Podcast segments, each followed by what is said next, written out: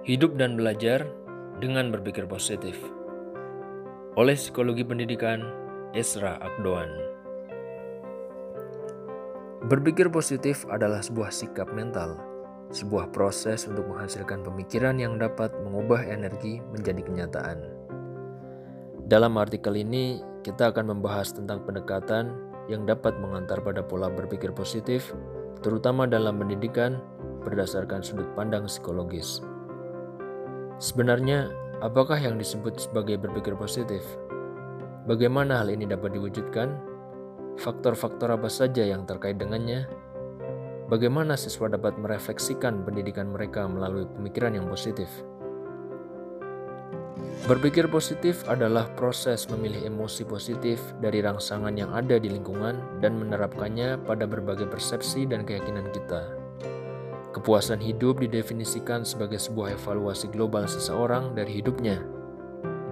Hal ini secara umum merupakan bagian kognitif dari kondisi kesejahteraan mental. Dalam konteks ini, maka konsep ini berbeda dari sukacita dan kebahagiaan. Kepuasan hidup yang tinggi sangat penting bagi manusia, karena hal tersebut mengarahkan kita pada kesehatan mental positif dan hubungan interpersonal yang sehat. Sikap positif dimulai dengan sesuatu yang sudah diyakini sisi keamanan dan bobotnya untuk kemudian bergerak dari titik itu menuju ke arah depan.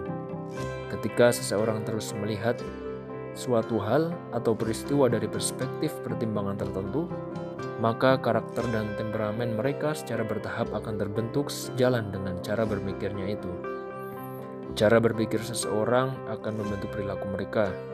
Ketika peluang-peluang baru dihasilkan, kesuksesannya akan bergantung pada bagaimana perspektif orang tersebut.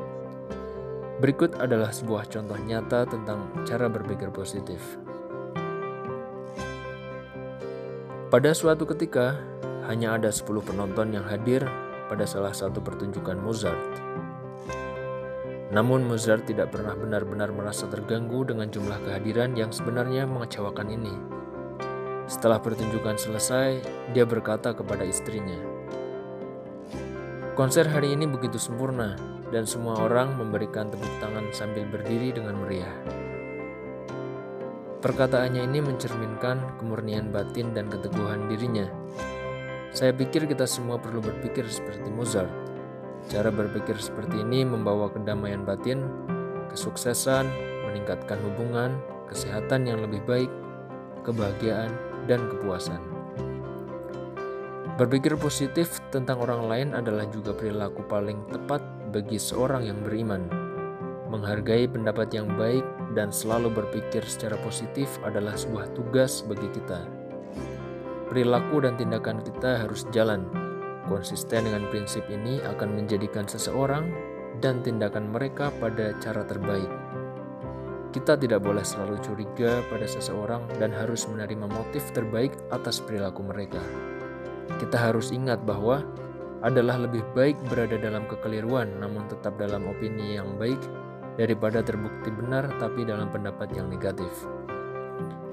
Hal ini terutama berlaku pada bidang pendidikan, Seorang siswa atau sosok guru seharusnya menghindarkan diri dari menghakimi seseorang seperti mereka menghindari seekor ular berbisa. Dalam kasus menghakimi dengan penilaian yang salah, maka mereka harus segera membicarakannya dan mencoba mencari solusi dengan harapan akan dimaafkan.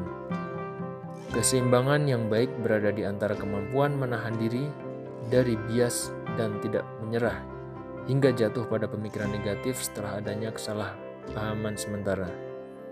Karena bias lebih berbahaya daripada sebuah rasa ketidakpercayaan.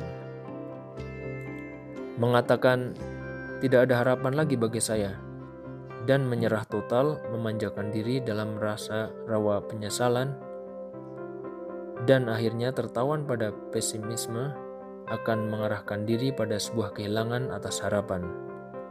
Bahkan jika seseorang terpaksa berada pada situasi yang memalukan, salah seorang temannya, ia harus mampu untuk bisa mengalihkan wajahnya ke arah lain dan tidak memperburuk situasi lebih jauh. Selanjutnya, seseorang harus terus berpikir positif tentang orang itu dan tidak boleh mengembangkan kecurigaan sehingga terlalu cepat menilai mereka. Dengan cara yang sama, adalah sangat penting untuk menggenggam pendapat yang baik tentang orang lain. Begitu juga penting untuk menahan diri dari perilaku yang mungkin menimbulkan kecurigaan.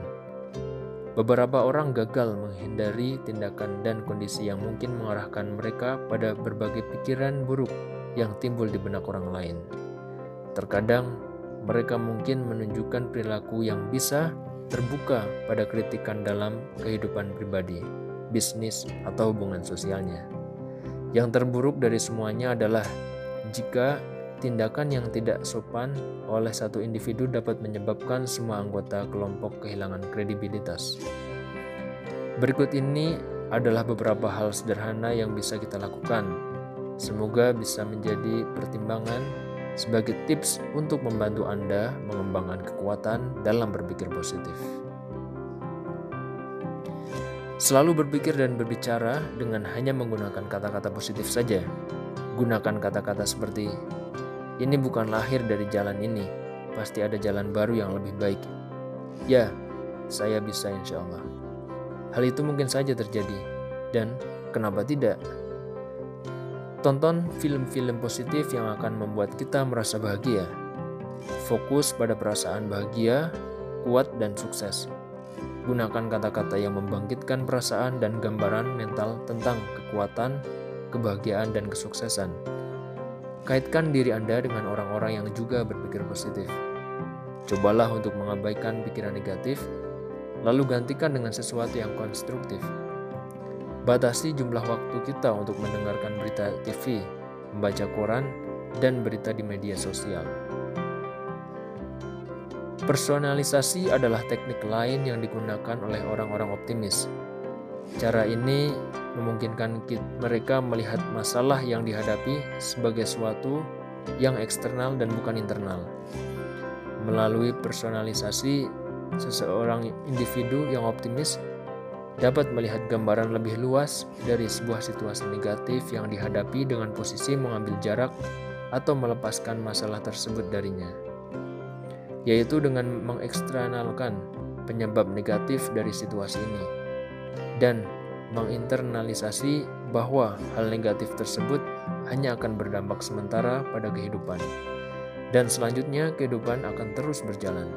Misalnya, jika seorang teman sekilas marah mereka kepada Anda karena komentar atau humor orang lain, maka jangan mengaitkan hal ini sepenuhnya hanya pada diri Anda sendiri Alih-alih Anda harus mencoba mengubah situasi dengan cara sebaik mungkin, tanpa harus berpikir bahwa kesalahan dan dari rumor itu sepenuhnya ada pada Anda.